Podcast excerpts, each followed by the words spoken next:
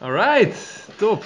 Bij deze, Rutney, welkom en welkom voor de mensen die kijken. Ik zit hier vandaag samen met Rutney, Rutney Sluis. is een goede vriend van mij en de oprichter van het Sluis NLP Instituut. Op dit moment, naar mijn weten, het snelst groeiende NLP Instituut in Nederland. Rutney is een waanzinnig goede ondernemer. Iemand die, als hij een doel heeft, daar wat er dan ook voor nodig is om dat doel te bereiken, op de een of andere manier krijgt hij het telkens weer voor elkaar. Hij heeft voor meerdere grote zalen gesproken, van soms 500, soms 1000 mensen in de zaal. We hebben opleidingen gegeven met 100 tot 120 deelnemers in de zaal. Mensen die aan het einde van zijn opleiding compleet aangeven dat hun leven totaal getransformeerd is. Uh, Rutney heeft gewerkt met mensen zoals Victor Mits, zoals Angela Groothuizen, Ali B en nog heel veel meer mensen. En hij heeft ook zijn eigen stichting opgericht, waar hij mensen in ontwikkelingslanden helpt aan bijvoorbeeld schoon drinkwater en scholing voor kinderen. Dus, en nog heel en heel veel meer, maar daar gaan we dit gesprek verder, uh, vast wel, uh, wel verder op in. Dus Rutney, allereerst welkom en dankjewel dat je hier bent. Ja, thanks. Als ik kom lozen jongens, dan was ik nu rood. Uh, zit er niet in. Precies. Uh, uh, dankjewel voor de uitnodiging, Pim. Ja, tuurlijk, tuurlijk. Leuk om dit eindelijk eens een keer te doen, want we ja. staan al heel wat jaartjes uh, met elkaar voor de groep. We hebben het ook wel lang over gehad. We willen alles een keertje gaan doen en vandaag is de dag. Precies, precies. Het is dan nu eindelijk, eindelijk zover. Dus ja. superleuk. Kijk naar uit om een heleboel verschillende onderwerpen samen te gaan verkennen. Ja. Hey, en allereerst, naast dat je, dat je als ondernemer heel druk bezig bent, volgens mij toen wij elkaar ontmoetten, toen begon je net je relatie met Aukje. Uh, inmiddels zijn er twee prachtige kinderen ook uitgekomen. En ik ben eigenlijk wel eens benieuwd, wat vind jij nou de meest fijne eigenschap aan je vriendin? Oh, mijn vriendin is uiterst begripvol, plezierig. Mijn vriendin is een dame die zegt: I follow you to the moon. Hmm. Waar je ook heen gaat, ik ga met je mee. Ja. Nee, take me with you. En uh, we zitten er, ze zit echt samen met mij in, in, in alles wat we doen. We zitten overal echt samen in als een team met elkaar. Juist. Dus als ik het dan heb over betrekking op mij, hè, hmm. wat, wat ik ervaar, is dat een van de dingen die, die op een uitzonderlijk niveau doet, is, is, uh, is ze echt, zijn we echt een team en doen we dingen samen. Ja. Um, en ze is een, wat ik nu echt leer als nu we twee kids hebben. Ze is een zo'n bijzonder goede moeder.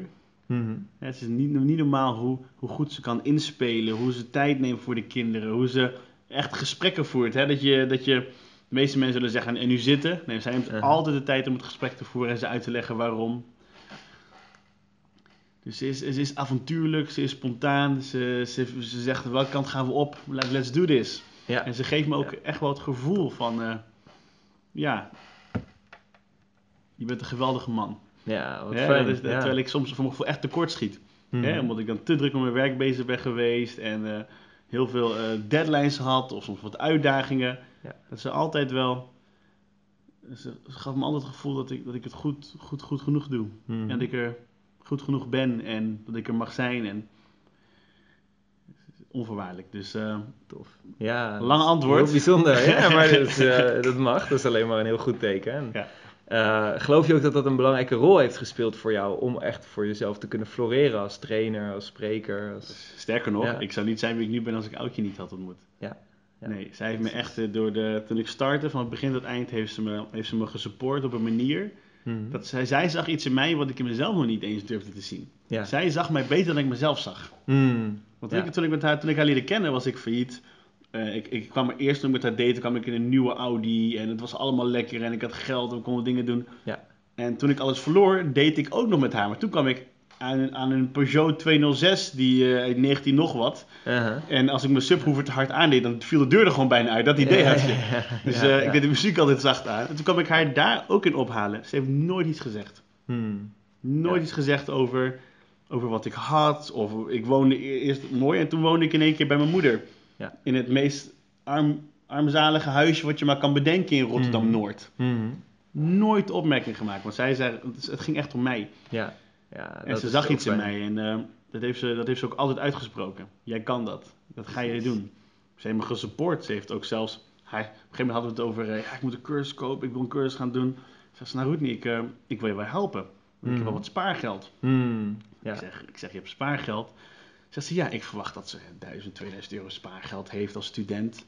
Nee, maar deze dame heeft echt eh, significant gespaard in haar Ja, ja, leven. ja. Ja, ja. En die betaalde ook dus een cursus voor mij die ik nodig had. Een 3 tot 5 dagen succesvol programma. Mhm. Heeft ze voor mij eh, betaald toen. En dat hebben we Ja. het samen gedaan. ja, ja. Eh, ik heb het natuurlijk als een lening gezien. Dus ik heb het er later allemaal terug kunnen geven gelukkig. Uh-huh, dat is ja. helemaal niet nodig voor haar. Maar ik ik heb er zo hard voor gewerkt. precies. En, ehm, en nog sterker nog, haar rol is nog veel groter. Want ik zat in de zaal en toen wist dat ik op zoek was naar een coach. Ik was op zoek naar een Ah, coach. ja. En ik wilde Ja. al een tijdje, wie wordt mijn coach? En ik was verschillende mensen aan het bekijken. En toen zaten we in een zaal met misschien 1500 man. Mhm. En ze keek naar David en Arjen. En ze wist hoe fan ik ben van David en Arjen van 350 dagen succesvol. Ja. Ze zegt, zou je niet Arjen als coach willen hebben? Ja. En ik zeg, ja, dat wil ik wel, maar dat, dat kan allemaal niet. Nee, hij heeft toch voor de groep gezegd dat hij geen coaching doet. Want dat Ja, heeft hij gezegd. ja, hij zei, ik doe niet aan coaching, ik doe alleen maar dit. Heeft hij gewoon uitgesproken, Ja. want hij weet dat iedereen hem gaat benaderen. Uh-huh. Ik zeg, hij doet het niet. Maar ze zegt, zou je het willen? Ik zeg, ja, maar... En ik begon al in allemaal redenen te bedenken waarom hij nooit, waarom hij niet meer coach Ja. kon worden. En waarom, ik daar, waarom hij geen tijd had. En Ja, noem maar op, puur omdat ik gewoon niet afgewezen wilde worden. Hè? Dat was uiteindelijk Uiteraard, de onderliggende ja, emotie waar ik weg van wilde blijven. en het is heel makkelijk om dat, die gedachten te hebben natuurlijk, als hij dat letterlijk heeft gezegd. Van, dit is wat ik niet doe. Ja, En dus was eh, voor mij heel solide. Dus, ja, eh, ja, ja, ja. En zij zei, ah, wil je dat? Ik zeg, ja, tuurlijk. Ik zeg, heel stiekem, tuurlijk zou ik dat willen. Dat was het antwoord. En Hmm. toen zei ze niks meer. Toen hadden we een, eh, een date. Toen had ze me meegenomen naar Lion King. We deden om de tijd. Dan deed, deed- ik deed een, een- de ene week bedenk ik iets. De Hmm. andere week bedenk zij iets. ja. En we Ja. daten altijd op date night met elkaar op maandagen. Ja. En ze had een keer een bijzondere dag. Want ze wist dat ik van Lion King hou. En had ze me meegenomen naar de theatershow van de Lion King. Mhm. Dus we waren daar, gaf ze me die tickets, had ze me als cadeau gegeven. We gaan daar zo meteen heen. Bij het etentje Mhm. zei ze dat. Maar het tweede wat ze me liet zien was een mail. Want ze had via, via mensen benaderd. En uiteindelijk aan het mailadres van Arjan gekomen. Had Arjan een mail gestuurd met zo'n boek van haar verhalen over mij. Wauw. En, ehm, en toen zei Arjan, eh, Arjan had me een keer ontmoet. Mhm. Ik viel wat op in de groep. Het waren eh, 1400 witte mensen. Ja, en ik, ja, eh, ja. elke keer, wij vallen wat meer op. Altijd bepaalde kleding. En eh, we vallen Ja. wat meer op in de groep. Ze zijn wat jonger ook. De gemiddelde, persoon daar. Dus ik Bepaalde had uitstraling bepaalde ook. uitstraling Ja. ook. Ja. Dus, en, en dus ik had hem al een keer kort gesproken. En toen zei hij... ja, ik wil met Roet niet afspreken. Lijkt me leuk. Mhm. Tof, Nou, ja. En, de- en Ja. toen is Arjan uiteindelijk... Had ik een gesprek met Arjan. Ja. En toen wist ik, als, als de deur open is, dan schop ik hem in. Tenminste, als ik hem kan openen, dan schop ik hem door. Dat was het idee. Dus eh, ik kwam daar. Ik zei, ik heb verteld waarom ik wilde dat hij mijn coach werd. En wat mijn missie is, wat, wat ik in het leven wil doen. En ik had toen echt niet veel geld. Ik was net gestart met een bedrijf. Maar toen zei ik al, ik wil je... Hij zei, niet, ik doe het niet voor het geld, maar er moet wel wat geld betaald worden, puur voor jouw commitment. En dat zet ik dan ergens anders apart en dan kunnen we kijken wat we mee gaan doen. Maar dat is, niet voor- dat, is wat hij zei. Hij zei, ik doe niet Ja. voor het geld, maar ik wil wel, ik wil je helpen. Ik geloof dat ik iets kan bijdragen door jou te ondersteunen met wat je doet en met je missie. En toen ik geen geld had, zei ik tegen hem, oké. Ik zei, nou wat ik wil doen is, ik weet dat je te weinig aanbiedt voor wat je waard bent. want- En alle, met alle expertise en ervaring die je hebt. En ik zou je graag veel meer willen bieden. En dat kan ik gewoon nog niet in deze periode, dus ik wil je 2000 euro per maand betalen. Mhm. Dat is wat ik toen zei, 2000 euro per maand. Ja. En dan zei ik, dan kunnen we dat in eh, dat een kwartiertje per week. kunnen we het in een uur proppen, hè? Want ik wilde een uur ja, 2000 dus euro. 2000 euro per uur. Per uur was het dus eigenlijk. Ja, ja, Maar ik, ik precies. zei ook dat mijn budget was per maand, dus dat Ja, wel duidelijk was. Dus ik zei, wil ik in een uur stoppen? Juist. En eh, dat is mijn leven ook heel veel veranderd. Omdat ik Hmm. Arjen als coach kreeg die, die me heel veel heeft geleerd. En ook wel heel veel advies heeft gegeven in tijden waarin ik Ja. zelf niet tot antwoorden kwam. Dat ik altijd Hmm. iemand bij me had die al vele jaren verder was. Vele miljoenen euro's omzet verder was dan ik. eh, veel Ja. verder was in het bouwen van een team en het bereiken van de doelen. Ze hadden Ziggo Dome uitverkocht en dat soort dingen. Mhm. Dus Wat zijn de belangrijkste dingen die je van hem hebt kunnen leren?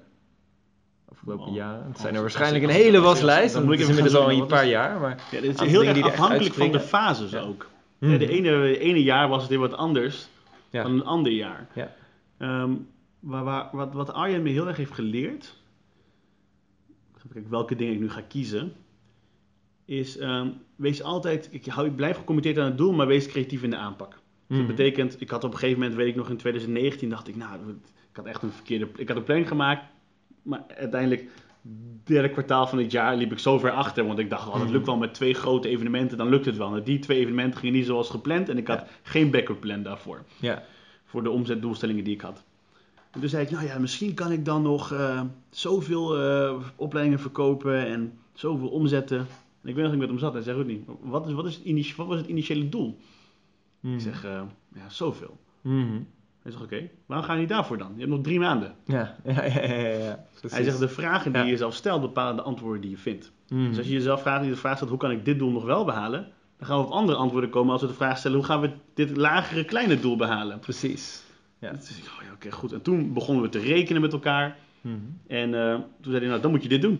60 evenementen. Ja, ja. Daar kwam het een beetje op neer. me Met zoveel mensen gemiddeld. En, eh, Ja, ik kan me die tijd nog heel goed herinneren. Want 60 evenementen betekenen dat je dus eigenlijk praktisch elke avond Ja. ergens in Nederland een seminar gaf. Ja. En dat was dan van 7 tot 10 s'avonds of zo. Dus, dat is echt. zo die hard zijn. we. We zijn respect, naar België ja, gegaan. en ja. We hebben zoveel fastfood gehad ook. Het enige wat over was, was McDonald's uiteindelijk. Toen we terugreden. Ja. Ja, het was echt, eh, en ik heb ook een fantastisch team, hè, zoals Carlo en mensen die altijd meegingen om te ondersteunen tot laat. mhm. Je meer denk ik van ze kon verwachten. Ja. Ehm, dus, eh, dus een van de dingen is altijd blijf creatief kijken, hoe kan ik het doel wel bereiken? Mhm. Dat is een van de dingen die hij me heeft meegegeven. Hij kijkt ook breder, hij kijkt ook naar de balans van het leven. Dus hij zegt, nou, Mhm. hoe gaat het met Aukje en met de andere gebieden in het leven? Want hij leert mij, vooral nu komt dat echt binnen, dat je bedrijf... eh, ik ben een heel missiegedreven mens, dus voor mij Mhm. gaat het echt om de missie en groot en eh, het Ja. verschil maken. En dat drijft me. De financiën Ja, hebben me nooit Ja. gestimuleerd in het Ja. bedrijf. Ja. Eh, mijn persoonlijke financiën dan. Mhm. En wat, wat hij wel heel duidelijk zegt, is dat je bedrijf moet jou helpen om ook jouw ideale leven te leiden. Anders dan runt je bedrijf jouw leven. Ja. En daar heeft hij het heel vaak over gehad en daar ben ik nu echt wel stap in aan het zetten ook. Mhm. Dus dat is iets wat hij me eh, mee heeft gegeven. Hij heeft het altijd over cijfers. De Mhm. numbers, get the numbers straight, zorg dat je de juiste cijfers Ja. krijgt. Ehm, en ik denk dat het is in verschillende fases verschillende inzichten geweest. Dan Mhm. dacht ik soms, nou dit is de oplossing. Ja. En dan had ik een gesprek met hem en dan zegt hij, nou Rudy, ik denk dat dit de oplossing is. En dan was het iets totaal anders wat ik nooit had gezien. Ja. Ja. Dus ik kan me herinneren dat ik op een gegeven moment besloot, ik wil mijn time management verbeteren. Want Mhm. dat moet mijn jaar verbeteren. En toen zei hij, Ja. Rudy, het is niet, in mijn beleving niet je time management, Ja. het zijn je relaties. Ja. Want is het Ja. verschil tussen jou en mij? Hij zegt, jij hebt een... je- Hij zegt, had toen 35 mensen werken in zijn bedrijf. Mhm. Hij zei, eh, jij maakt impact, ik maak impact. Hij zegt, we zijn allebei goed voor de groep. We hebben allebei een, een prima lopend bedrijf, een goed lopend bedrijf. Ehm, alleen het verschil is dat jij zes, zeven dagen in de week werkt, goed niet. Mhm. Ik werk vier dagen in de week. Ja. Vijf uur per dag op die Ja. dagen. Ja. Hij zei, dat is wat ik doe. Ja. Dat zei, wat is het eh, verschil? Hij zegt, ja. Het verschil is dat ik mensen om me heen heb verzameld die dingen kunnen veel beter dan ik. Mhm. Waardoor ik er gewoon niet mee bezig hoef te zijn. Ik bedenk er niet eens over na, over al die plannen die jij nu aan het uitwerken bent. Dat doen zij. Zij presenteren het aan mij. Precies. Zij hebben ook heel erg geleerd dat het vinden van de juiste mensen de sleutel Mhm. is tot het succesvol ondernemen. Juist. Dat Ja. team bouwen een ontzettend belangrijk onderdeel is. En daar kritisch in zijn. Ja. En ook met, het is vaak zo dat hij me dan adviezen gaf en dan... Uiteindelijk moest ik het zelf doen en deed ik het pas een jaar en later of zo. Dat, dus hij, dan ik, ja, ja, toch gelijk. Ik had dit een jaar toch gelijk. geleden had- moeten doen. Je had gelijk, je had gelijk. Dat gebeurt heel vaak. Alleen soms Ja. lukte het me gewoon nog niet om dat te doen. ik kan me voorstellen. En als het dan gaat over hè, het, team bouwen, want ik, inderdaad, ik, ik, een van de dingen die ik weer zelf heel erg van jou heb geleerd, is eh, hè, jouw principe ook, doe het samen. Ja. En, en ergens was je daar jaren geleden al mee bezig. En ik zie ook wel dat je dat nu steeds meer hebt ontwikkeld en steeds meer doet. Eh, maar dat is wel echt iets voor mij, van, hè, toen we elkaar net ontmoetten, toen was ik echt de solopreneur. Ja, Ik kon, en, en ik was ook in heel veel dingen goed. En eh, voor mij, Ja, alles kunnen jij. een dus beetje alles kunnen. Ik kon copywriting, video's maken, video's editen, online cursussen maken, online cursussen verkopen, noem het maar op. Eh, maar wat ik dan heel erg heb gemerkt, dan, dan vorm je daar ook een ego omheen. Van oké, ik kan dit, ik kan het zelf. En ja, waarom zou ik het aan andere mensen uitbesteden? Ja. Ehm, of dan wil je het op een bepaalde manier perfect. Wat, wat, wat zijn voor jou eigenlijk de belangrijkste dingen die je hebt geleerd over het samen kunnen werken of het kunnen opbouwen van een team? Nou, ik denk dat een van mijn krachten is dat ik gewoon heel veel denk dat ik heel veel dingen niet kan. ik, denk, eh, ik geloof dat ik het zou kunnen. ja. Ik geloof Ja. dat ik het zou kunnen, maar Ja. ik wil het niet kunnen. Ja, ja, ja. Snap je? ik wil het gewoon Ja. niet. Ik denk als wat is dan, wat is mijn magic zone? Wat kan ik Ja. het beste? Mhm. En dat zijn sommige dingen niet. Ja. En Ja. ik probeer zoveel mogelijk, dat Arjan een van de eerste dingen die me leerde, Ronnie, was je magiezone. Mhm. Wat is dat? Ja. En je wil eigenlijk die, die 80% van je tijd in je magiezone zitten en 20% Mm. van je tijd in Ja. andere zaken. Nou, dat is Ja. altijd een dans, want dat is niet altijd, lukt me niet altijd om 80% in die magiezone te zitten. Ja. Maar wel zoveel mogelijk. En mijn magiezone is heel veel dingen niet. Dus daar probeer ik dan weg te blijven en Mm. mensen voor in te schakelen die daar beter in zijn dan ik. Ja. En als we dan kijken naar het verzamelen van een team, zijn er een drietal dingen die ik belangrijk vind in de selectie van mensen om mee te werken. Ik kijk altijd naar eh, karakter, Mhm. kijk naar motivatie, dus will en skill. Ja. Is het iemand die op tijd komt, iemand die, die, die de extra boekjes gaat lezen wanneer het nodig is? Is het iemand die over wilt presteren? Is het iemand die echt, echt qua karakter een bepaalde type persoon is die in de jaren een karakter heeft ontwikkeld waar ik niet aan hoef te sleutelen, want het is al zo. Mhm. Iemand die van zichzelf een bepaalde manier in het werk staat, in het leven staat. Ja, Een van de dingen die ik heb geleerd met mensen werken is dat karakter moet je niet willen veranderen. Mhm. Als iemand te laat komt, komt hij altijd te laat. Als iemand afspraken niet na, komt hij altijd afspraken niet na. Ja. Dat is gewoon Ja. de aard, niet per se het aard van het beestje, maar wel in deze fase van de ontwikkeling van deze Ja. persoon is dit wat je in huis haalt. Ja, iemand zou het misschien zelf kunnen veranderen, maar dan moet iemand echt heel graag moet willen. heel graag willen Ja. en dat is niet aan mij. En ik heb het ook Ja. vaak geprobeerd met personeel. Mhm. Nog steeds is het niet aan mij dan. Want het, is, kost gewoon heel veel geld. En heel veel tijd en heel veel eh, eh, fascinatie. Ik kan het frustratie noemen. Voor dingen die niet veranderen eh, hoe je je best stuk doet. Dus karakter is een van de belangrijkste dingen. Mhm. Daarom zie je ook veel van die grote bedrijven die zeggen: ik, ik neem liever iemand aan op karakter dan iemand op diploma. Mhm. Want karakter zorgt ervoor dat ze dingen wel leren die nodig zijn. En karakter, dat is juist uniek. Ja. Dus karakter is één.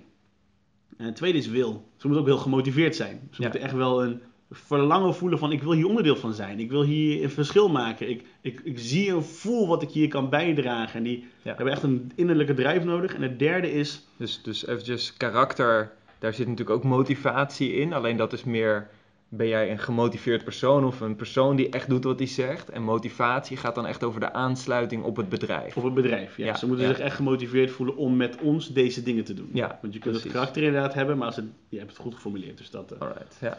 Het derde is skills. Mhm. Ze moeten ook iets aan tafel brengen. Ze hebben Mm. ergens gewoon veel beter in te zijn dan wij. Ja, Ja, ik zeg, nou, ik kan dit nog niet zo goed. Kun jij dit oplossen? ja. Nee of ja? Ja. En dan komen zij om een probleem op te lossen. Mhm. Wat nog niet zo lekker gaat of wat beter kan. Juist. Dus skills. Want je kunt iemand hebben die heel gemotiveerd is met een fantastisch karakter. Maar als hij niet weet hoe iets moet, ja, dan Mm. heb je gewoon een gemotiveerd, leuk persoon met een topkarakter die op tijd komt. Allemaal dingen ver- verantwoordelijkheden draagt, maar niet Ja. de skills heeft om de specifieke taak op te lossen. zou je zelf iemand alles moeten leren. Dan moet ik Ja. alles leren en dan moet ik het kunnen. En dat kan ik vaak niet. Daarvoor Ja. huur je die persoon niet. Ja, die, moet het juist, die moet het juist aan, aan het bedrijf toevoegen. Ja, ja. Als iemand heeft met skills en heel veel wil, maar die heeft een karakter van niks. Dus die, eh, Mhm. die in één keer is hij niet bereikbaar voor twee dagen, want er is weer wat aan de hand. En ehm, andere redenen, dan heb je er ook niet zoveel aan. Als je iemand hebt met een fantastische skill, een mooi karakter, maar die is hartstikke ongemotiveerd om hier dingen te doen, Mhm. loop je ook vast.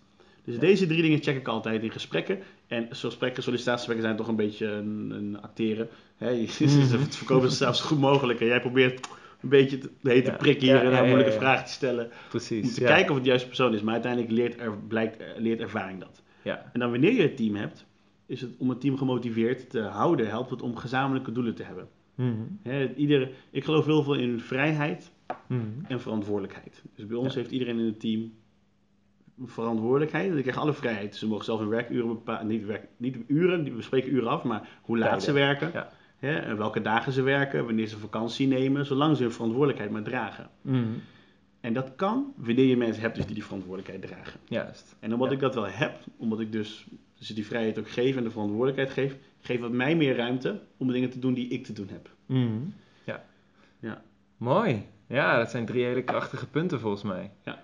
En als het dan gaat over die zone of genius, of de magic zone, wat is voor jou jouw magic zone? Ik denk het wel een beetje te weten, maar... Ja, ik, ik ben, mijn magic zone is het bij de mensen zijn. Ja. Het, het voor de groep staan, het coachen, het trainingen geven. Dat is mijn magic zone. Ja. Mijn andere magic zone is ook het commerciële stuk. Mhm. Dus zorgen dat er verkocht wordt. Zorgen ervoor dat we zichtbaar zijn.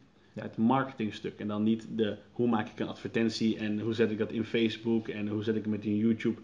Dat moet je me niet vragen. Mhm. Ik snap hoe het werkt, maar ik doe het niet. Ja. Maar wel, eh, hoe zorg ik ervoor dat wat ik breng in die advertenties eh, resultaat oplevert. Ja. Dus er zijn een tweetal stukken voor mij in het bedrijf. Dat is het stukje productontwikkeling en productdelivery. En een stukje marketing. Mhm. Waar ik, eh, wat voor mij de magic zone is. En idealiter alleen productdelivery. Ah, dat is, ja, dat is eh, ja. het volgende doel voor mij in het bedrijf. Dat ik Ja, bezig hoef te zijn of betrokken te zijn in de marketing. Dat is helemaal, eh, helemaal mooi inderdaad. Ja, ja, want uiteindelijk dat is het bijzondere. Ik denk dat wij allebei eh, heel erg artiesten zijn. Hè? We willen heel graag creëren. We willen heel graag eigenlijk iets moois neerzetten, onze kunst neerzetten. En Ja. heel veel coaches die ik ook zelf spreek en die ik zelf gecoacht en getraind heb, zijn ook artiesten. Ja. En de kunst is dan, wat jij heel sterk hebt gedaan, is dat je toch ook dat ondernemende stuk inderdaad eh, hebt geleerd. En misschien daar ook wel je kunst van hebt gemaakt op een bepaalde manier. Ik denk dat ik van nature, ik, ik, zie me, ik ben echt de artiest, Mhm. maar ook heel erg de ondernemer. Mhm. Dat betekent ehm, dat ik ben ook de, het meeste de ondernemer als ik kijk naar mijn afgelopen jaren. Mhm. En wat ik juist heel erg ambieer, wat ik mooi vind aan jou, is dat jij de artiest bent en de ondernemer. Maar de artiest kan nog meer het mooi mogen Mm. ontplooien dan ik het heb gedaan. Meer Mm. uren heb besteed aan alle contentvideo's, de producten die je hebt gemaakt. Je hebt van alles wel producten mogen maken Ja. waarbij je mensen Ja. hun leven verandert. Klopt. En dat zou ik ook graag eh, nog meer willen doen. Dus daarvoor Mhm. eh, is het voor mij, en noemde ik het, het artiestkant soms het ondervoede kindje of zo, hè, vond ik het altijd. Terwijl ik Ja. dat heel Ja. goed kan en heel goed doe. Weet ik van wat ik nog meer zou kunnen als ik daar meer tijd in stop. Eh, dus ik ben van nature de artiest, maar ik heb altijd aan de ondernemende kant gezeten omdat ik dan een heel groot doel stel. Mhm. En dat vergt gewoon veel ondernemerschap. ja, ja, ja, dat vergt gewoon ja. heel veel. Ja. dan nou, Ja. en dat, eh, Ja, je zit natuurlijk ook in een situatie waarin iedere maand personeel betaald dient te worden, locatie dient betaald te worden. Dus je, je hebt ook die ondernemerskant aan te zetten om gewoon het bedrijf vooruit te helpen. ja, als ik geen 2 ton omzet, Ja, ja. dan kom je niet uit de kosten. Ja, dus dat is sowieso altijd een bepaalde verantwoordelijkheid voor gezinnen, voor mensen, voor klanten, waar ik, waar die ik graag draag. Mhm. En dat vergt wel ondernemerschap. Precies, ja, zeker weten. Ja, mooi. Hey, we zijn natuurlijk eh, als, eh, hè, als NLP-trainers zijn we natuurlijk heel erg veel bezig met de methodiek van neurolinguistisch programmeren. Ja. Ehm, daar heb ik ook meerdere video's over gemaakt, dus, dus voor nu hoeven we niet per se helemaal de basis uit te leggen. Alleen, ben wel benieuwd, wat zijn een aantal NLP-technieken of principes die voor jou zo het, het meest in je dagelijks leven langskomen? Waar maak je het meest gebruik van? Ik denk dat in mijn beleving een van de belangrijke dingen om ervoor te zorgen dat ik kan doen wat ik doe, is Mhm. heel veel grip hebben op mijn stemming. Want Mhm. wanneer ik me slecht voel, krijg ik niks voor elkaar. Wanneer ik me fantastisch voel, kan ik de muren lopen. Dat kennen, Ja. we, kennen we allemaal. Dat je, wanneer je zo'n dag dat je top voelt en is geen obstakel je te groot, je fixt het. Mhm. En zo'n dag dat, wat jij wel eens zegt, de afstandsbediening is te ver. Ja. Of je valt te slapen op de bank, want je wil niet naar boven lopen. Precies. Ik, heb, ik heb heel veel potentie, maar die, hoeveel van mijn potentie ik benut is afhankelijk van eh, de stemming waar ik in zit. Mhm.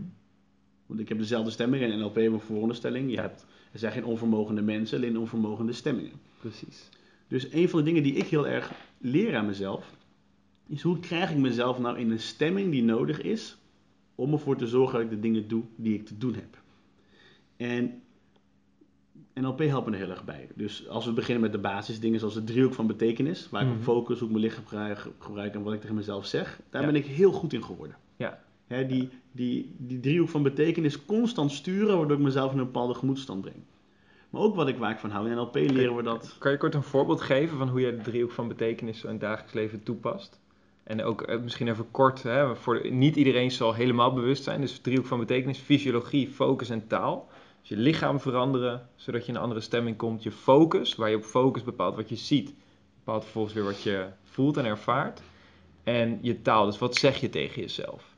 Ja. Dus op welke momenten pas je dat bijvoorbeeld toe? Nou, even terugpakken. We hebben eh, net een persconferentie gehad. Ik Mhm. had een seminar gepland. Honderden mensen, vind de kampioen. Ja. We mochten weer, eh, locatie geregeld, heel team erop gezet. Precies. En eh, twee dagen van tevoren hoor ik, hey, dus we zijn besluit, ze zijn van plan om van lockdown te gaan. Ja.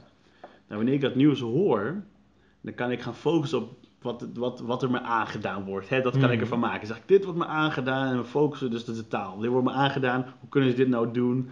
Eh, ik, word hier, ik word hier boos om of onmacht. Ja. Alleen dat, die drie patronen in taal helpen me niet. Precies. Dus ik kijk ernaar, ik zeg oké, het gebeurt. Waar focus me op? Wat zijn de... ik doe een tussenstap. Eerst dan voel ik gewoon even voor 10 minuutjes. Zeg ik nou, wat ik voel, dat mag er zijn. Mhm. En daarna begin ik het om te draaien in het taalstuk. Dus vraag ik me, wat is de kans hierin? Ja. Wat is het cadeau? Ik, Nou, ik kan eh, met mijn gezin zijn dit weekend. Mhm. En Ja. dat is iets wat, Ja. wat ik ook wel natuurlijk leuk vind om te doen. Ja. Ik kan me ontspannen. Ik kan kijken of ik... Toen ben ik gaan nadenken over wat... wat door de vragen, wat zijn de cadeaus? Mhm. zag ik andere dingen. Want de vragen bepalen wat, wat voor antwoorden we krijgen. Precies. Dus toen kon ik wat cadeaus vinden. Ik ben een wandeling gaan maken. Mhm. Eventjes gaan lopen. Even mijn stemming in een goede, een betere gemoedstoestand brengen. Waardoor ik eh, nog beter kon nadenken in oplossingen. Dus dat stukje fysiologie. En ik focus me niet op wat er verkeerd is, volgens mij dan op dat moment. Mhm, mhm. Maar vooral waar ik invloed op heb. Juist. Waardoor ik in een stemming blijf waar ik oplossingen kan vinden. En gelijk kan schakelen met mensen. Om ervoor te zorgen dat we het maximale gaan halen uit voor mezelf uit het weekend. Maar ook de processen voor het bedrijf. Want dat had een bepaalde had invloed op onze doelstellingen voor Ja. dit kwartaal. Dus dat is een voorbeeld eh, van, van heel recent. Mhm. En het is denk ik de constante, vraag, de constante vragen die ik mezelf gedurende de dag stel. Mhm. De vragen hebben heel veel invloed op mijn gemoedsverstand en heel veel Ja. invloed op wat ik ervaar. Dus het is ook een heel stuk de vragen en ik neem ook tijd om te sporten. Ik zorg ervoor dat ik, wat, dat ik in beweging blijf, dat ik anders sta, dat ik anders loop. Bijvoorbeeld de laatste dat ik, ben niet zo creatief. Dat ik nou, hoe sta ik dan als ik creatief ben? Hoe adem ik als ik creatief Mm. ben? En eh, wat zeg ja. ik tegen mezelf wanneer ik creatief ben? En dan doe ik dat in dat moment. Precies. In, met die drie Ja. manieren. En dan voel ik de creativiteit opkomen. En dan zeg ik, nou, nu gaan we. En ik heb dus gisteren heb ik het ook gedaan. Heb ik daar een opname mee gedaan voor een toffe meditatie. Mhm. Waar Ja, ik ook dacht, nou, ik voel me niet zo creatief nu. Nou, dan activeer ik dat. Precies, precies. En zo kan ik nog de doorgaan met stemmen voorbeelden. Oproepen. Ja. Wat zijn een aantal vragen die je jezelf eh, dagelijks stelt? Je zei net, ik stel mezelf dan een bepaalde aan het vraag einde van de dag stel ik me de vraag, waar ben ik dankbaar voor? Mhm. Ik, als ik mijn kinderen op bed leg, dan stel ik me altijd even de vraag. Dan knuffel ik Ja. Sky of Royce. Nu doet Oudje één, ik de ander. Mhm. Als ik er niet in de avond werk. Ja. Doe het zo. En, ehm, en dan, waar ben ik dankbaar voor? En dan doe ik mijn ogen dicht. Mhm. Of wat kan ik me wa- waarderen aan vandaag? En dan ga ik door Ja. alle momenten heen die ik vandaag had gehad. Met Royce en met Aukje Mooi. en met, eh, in de dag. En dat geeft me heel goed gevoel van dankbaarheid. Want het is niet vanzelfsprekend dat ik twee kinderen heb. En dat ik zo'n mooie, Precies. bijzondere vriendin heb. En dat ik zo'n leven heb. Dat is niet vanzelfsprekend. Daar mag ik elke dag dankbaar voor zijn. Dus dat is een van de dingen die me heel erg helpt. Ja. De belangrijke vraag die ik me in de ochtend stel is... Wat zijn de drie belangrijkste dingen die ik vandaag te doen heb? Mhm. Wat zijn de drie belangrijkste dingen? Ja. Vroeger wilde ik de tien belangrijkste dingen doen. Mhm. Nu kies ik drie. En die drie, daar focus ik op.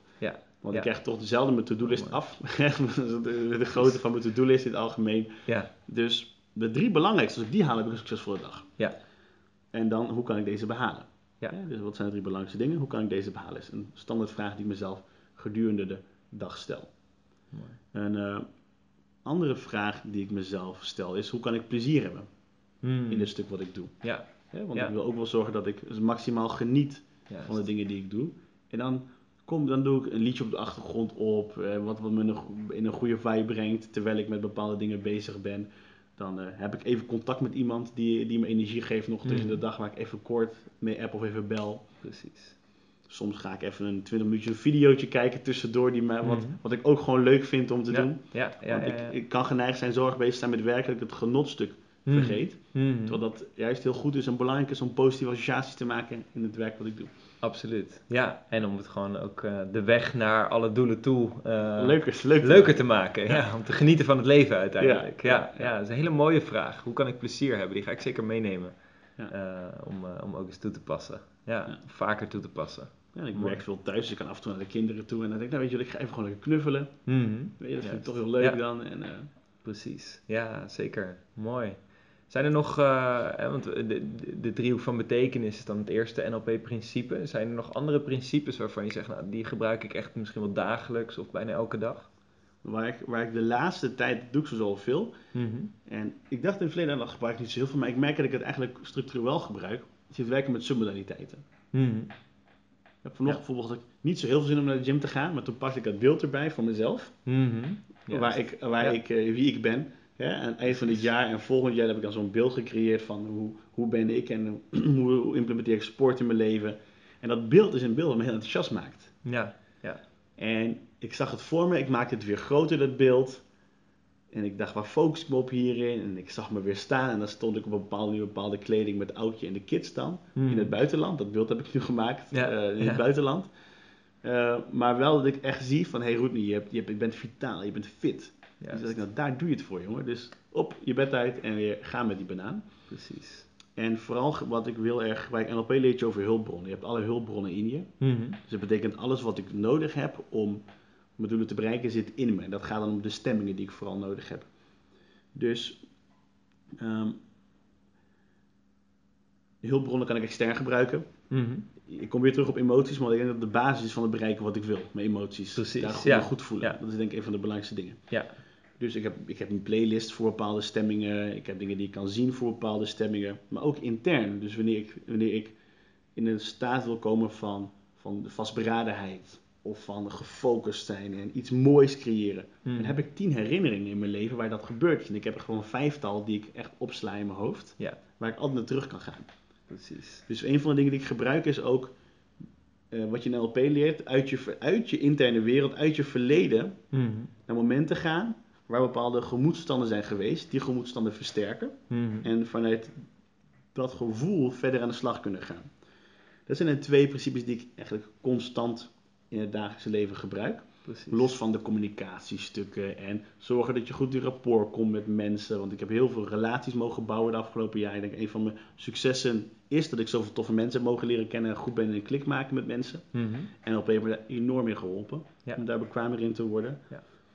Het empathische stuk, hè, je leert in NLP de, de, de, de waarnemingsposities. Mhm. Vanuit jezelf leven of vanuit de ander of vanuit de metapositie. Precies. Ik was een beetje een metatypje. Ja, ja, Dat ja. betekent, eh, ik was heel observerend altijd en alles rationaliseren en analyseren. En ik heb nu heel erg geleerd om te associëren aan mezelf. Wat wil ik, wat voel ik, wat denk ik, wat ervaar ik, wat heb ik nodig. Mhm. In de ander was ik ook wel goed, want ik had dat wel geleerd met de andere. Ik was de meta en de ander, maar mezelf was ik niet zo goed. Ja. En ik heb geleerd wat heb ik nou nodig. En wanneer ik goed voor mezelf zorg, kan ik goed voor anderen zorgen. En ehm, omdat ik dan toch wel een leven heb waar ik heel erg eh, veel van mezelf vraag, Mhm. heb ik ook wel geleerd heel erg nog steeds stil te staan bij wat hebben anderen nodig. Hè, wat Ja. heeft mijn vriendin nodig? Wat heeft het team nodig? Wat hebben de mensen nodig om daar mee bezig te zijn? En dan doe ik heel bewust stappen in de ander letterlijk. Ja, precies. Want ik denk, ik kan denken, ja, Mooi. sta je niet zo aan. Ja. Dat zou ik Ja. in theorie kunnen denken. Dat Ja. denk ik helemaal niet snel. Er moet echt wel heel, heel veel gebeuren voordat ik dat denk. Mhm. Alleen, voordat ik überhaupt bij die gedachte kom, ben ik al bezig met, oké, maar hoe is het nu voor die persoon? Die heeft deze taken, deze opdrachten, die loopt hier tegenaan. En oké, en dan snap ik het. En dan vanuit verbinding en empathie kan ik weer eh, verder. Zo'n waardevolle vaardigheid om empathie echt te creëren. En inderdaad, de waarnemingsposities, die eh, techniek kan daar fantastisch bij helpen om inderdaad echt in de ander te stappen en het vanuit de ogen van de ander te kijken. Ja. En natuurlijk ook in de meta en in jezelf. Ja, Ja. En om nog, wat, absoluut. nog even verder te beantwoorden, ik ben nu bezig met de nieuwe plan voor volgend jaar. Mhm. En daarvoor ben ik weer mezelf aan de slag. Dus ik ben weer timeline therapie gaan doen. Ja. Ik heb bij mijn eigen overtuiging aan de slag gegaan. Wat is nou... Ja. Ik vind mezelf een hardwerkende ondernemer. Maar ik besloot, volgend jaar moet ik een slim werkende ondernemer zijn. Mhm. Dat is Dan ben ik toch anders. Als ik, echt, als ik me Ja. echt zie als een, vooral met nadruk op slim Ja. werkende ondernemer. Ja. Nou, dan, dan ben ik anders. Dan doe ik dingen Mhm. anders. Mhm. Dus dat is de nieuwe overtuiging die ik eh, ga integreren voor het volgende jaar. En daar ben ik nu mee bezig. Dus ik schrijf het op. Wat doet een slim werkende ondernemer? Hoe ben ik als slim werkende ondernemer? Ik doe een timeline oefeningen waar ik als, als geboren persoon... Ik werd geboren en papa zei, mama zei, oh, dit is echt een slim werkende ondernemer. Mhm. Papa zei, jongen, als dat geen slim werkende ondernemer is. Ja. En de kraamzorg zei het, en mijn ooms en tantes en iedereen, hele opvoeding. En ik vind mezelf nu al een meer slim werkende ondernemer. Nice. Omdat ja. ik, wat ik in LP heb geleerd, Mhm. altijd toepas op mezelf wanneer ik een verandering doorga. Precies. Waardoor die verandering makkelijker, sneller gaat, beter gaat. Absoluut, absoluut. En dat is ook wel een van de kernprincipes die wij in onze NLP Practitioner opleiding meegeven. Is als je andere mensen wil coachen, heb je altijd ook jezelf te coachen. Ja. Eh, want natuurlijk kun je de technieken puur zang leren en die technieken vervolgens op anderen gaan toepassen. Alleen dat geeft je niet dezelfde diepte van de ervaring als dat je het ook op jezelf continu eigenlijk toepast. Zodat je ook weet en meevoelt en ervaart wat jouw coachie op dat moment ervaart. Ja, Dus dat is een hele mooie, dat je daar ook gewoon voortdurend nog steeds mee bezig bent. En ook, ik denk voor mensen heel inspirerend om ook te ervaren en te zien dat het jou constant ook helpt om weer die volgende stap te zetten en weer verder te komen om die doelen te bereiken. ik geloof wel echt dat als ik, mijn, als ik mijn resultaten wil bereiken die ik voor ogen heb, heb ik een aantal interne obstakels altijd op te lossen. En met NLP heb ik zo'n mooie tool aan technieken, methodieken die Ja. je kan toepassen. Ja. Dat het echt kiezen is, wat ga ik nu inzetten daarvoor. Precies. Ja. En ook ben ik een voorstander van hulp. Dus ik kan ook wel eens dat ik vraag, hey, kan u me helpen met deze techniek of deze manier? Ja. Omdat, dat, omdat op mezelf kom ik echt heel ver. Ja. En met een ander kom je nog verder. Precies. Ja, dat is een mooie. Dat zei je gisteren ook tijdens een meeting eh, die, die je voor jouw, eh, jouw sales eh, mensen hebt en de coaches die voor je werken. Dat je zei van, hey, als iemand een vraag stelt of iets waar je niet uitkomt, bel eventjes een van je collega's om te vragen om een tip. En het grappige is, ik weet dat jij dat heel vaak ook bij mij hebt gedaan. Dat je Ja. zei van, hey eh, Pim, ik heb zo meteen bij de Voice of Holland heb ik iemand te coachen. Eh, hoe ga ik dit aanpakken? Of geef me wat tips daarvoor. Ja, ja, En af en toe denk ik van shit, ik zou dat eigenlijk vaker ook moeten doen. Weet je wel, want inderdaad, jij belt gewoon constant. Ook al weet je het misschien zelf wel, ook al heb je de antwoorden misschien zelf wel. Eh, maar iemand anders kan je toch weer net een ander perspectief geven of andere ideeën geven. En dat is. eh, Ik weet gewoon, als ik drie mensen bel, denk ik, oh, dat was niet opgekomen. Ja, ja, ja, dat heb ik niet over nagedacht. Zelfs met al mijn, ik laat gewoon dingen weg. En denk, oh, of logisch, of je mag helemaal niet eens bewust dat dat er ook was. Ja, precies. En dat gaat dan om een prestatie. En als het gaat om iets waar ik in mezelf, bij mezelf tegenaan loop, vraag ik ook om hulp. Ja. Eh, omdat eh, dat het gewoon makkelijker maakt. Ja. En heel veel doe ik echt zelf, moet ik Mhm. toegeven als het om mezelf gaat. Mhm. Ehm, alleen ik merk bij de, ik noem hem mijn Goliath van het jaar een beetje. Mhm. Dat is mijn grotere onderwerp voor het jaar, mijn grotere overtuiging of obstakel die ik wil aanpakken. Ja. Daar schakel ik wel hulp in. Ja, ja, precies. Ja. Wat is Dat- dat op dit moment? Het Goliath? stukje, ik eh, ben een goede vader en ondernemer. Ja. Geloof ik, ik had ergens overtuigd dat dat niet goed samen kan. Hè? Dus dat Mhm. goed ondernemen en de vader zijn die ik wil zijn. En dat Ja. kan ik logisch wel allemaal onderbouwen waarom het wel kan. Maar gevoelsmatig was het niet zo voor mij. Ja, ja, En eh, precies. Daar heb ik dus echt wel over gezeten. En Mhm. eh, daar heb ik een hele mooie stap in mogen zetten. En dat heeft ook geleid onder andere naar de grote beslissingen die ik nu heb genomen. Juist. Om ervoor te zorgen dat ik ook die goede vader kan zijn. Ja. En die ondernemer kan zijn. Want het is gewoon wanneer je een groot bedrijf hebt, heb je gewoon meer verantwoordelijkheden. En minder rust, minder ontspanning in het algemeen. Hè? Is, Mhm. Dat is niet altijd zo. En als het op een bepaald niveau komt, dan ben je daar. Alleen het is wel een journey ernaartoe. Absoluut. En eh, dus ik stel me van hoe kan ik dat bereiken terwijl ik meer ontspannen met mijn gezin kan zijn. En dit, hele die mooie, reis heeft ja. wel geleid naar de beslissingen die ik nu heb genomen. Tof. Ik kan me voorstellen dat soms, tenminste, ik heb zelf geen kinderen, dus dit is slechts een aanname die ik nog maak. Maar ik heb wel eens het idee dat soms als je weet dat je eigenlijk een bepaalde keuze zou moeten maken, maar je maakt hem niet, kan ik me voorstellen dat als je kinderen hebt en je ziet dat je kinderen lijden van het feit dat je niet die keuze maakt, dat dat gewoon wel echt een heel stuk extra motivatie geeft om toch die keuze te maken.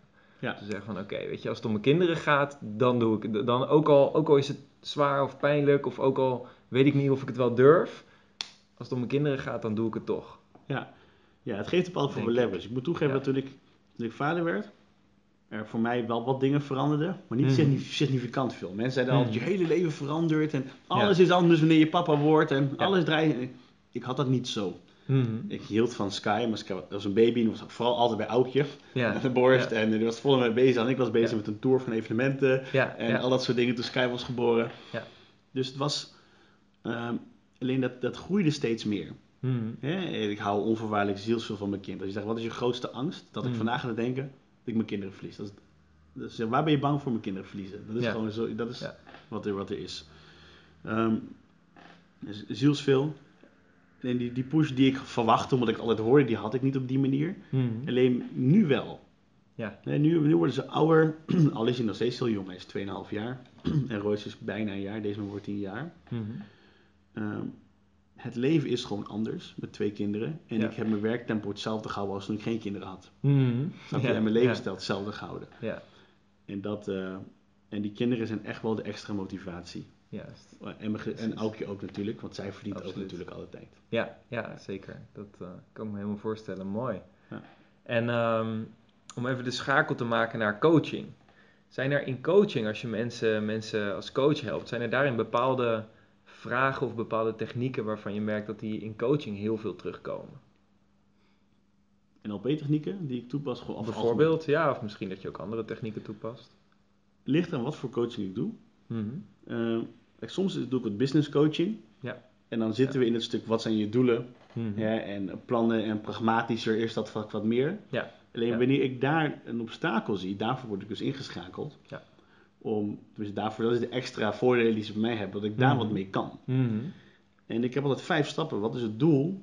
Daar gaan we dus echt naartoe. En elke sessie begin ik opnieuw met mijn vraag: wat is het doel met de persoon? Mhm. En waarvoor zit je hier? Ja. Tweede is, waar staan we nu? Hoe gaat het daar nu mee? Het derde is, wat zit er tussen? En elke keer stel ik mezelf opnieuw de vraag, wat zit er nu tussen om die volgende stap, stap te maken? En dan is stap vier het interventiewerk. En dat is heel erg afhankelijk van wat het obstakel is Mhm. bij de persoon. Voordeel is dat ik een heel brede, brede, brede scala heb aan technieken, methodieken die je kan inzetten. Maar een van de dingen waar ik heel erg voorstander van ben, is het eh, kijken naar de overtuigingen, van de persoon die in de weg kunnen zitten. En daar de verandering maken. Want wanneer de overtuiging verandert, dan verandert daarna het gedrag en de vaardigheden die ze leren en beïnvloedt hoe ze omgaan met hun omgeving. Juist. Dus daar Ja. ben ik vaak op gefocust toen ik met mensen Ja. werk. Ja, vanuit die overtuiging van als er iets van binnen verandert, dan zal er altijd iets van buiten ook veranderen. Ja.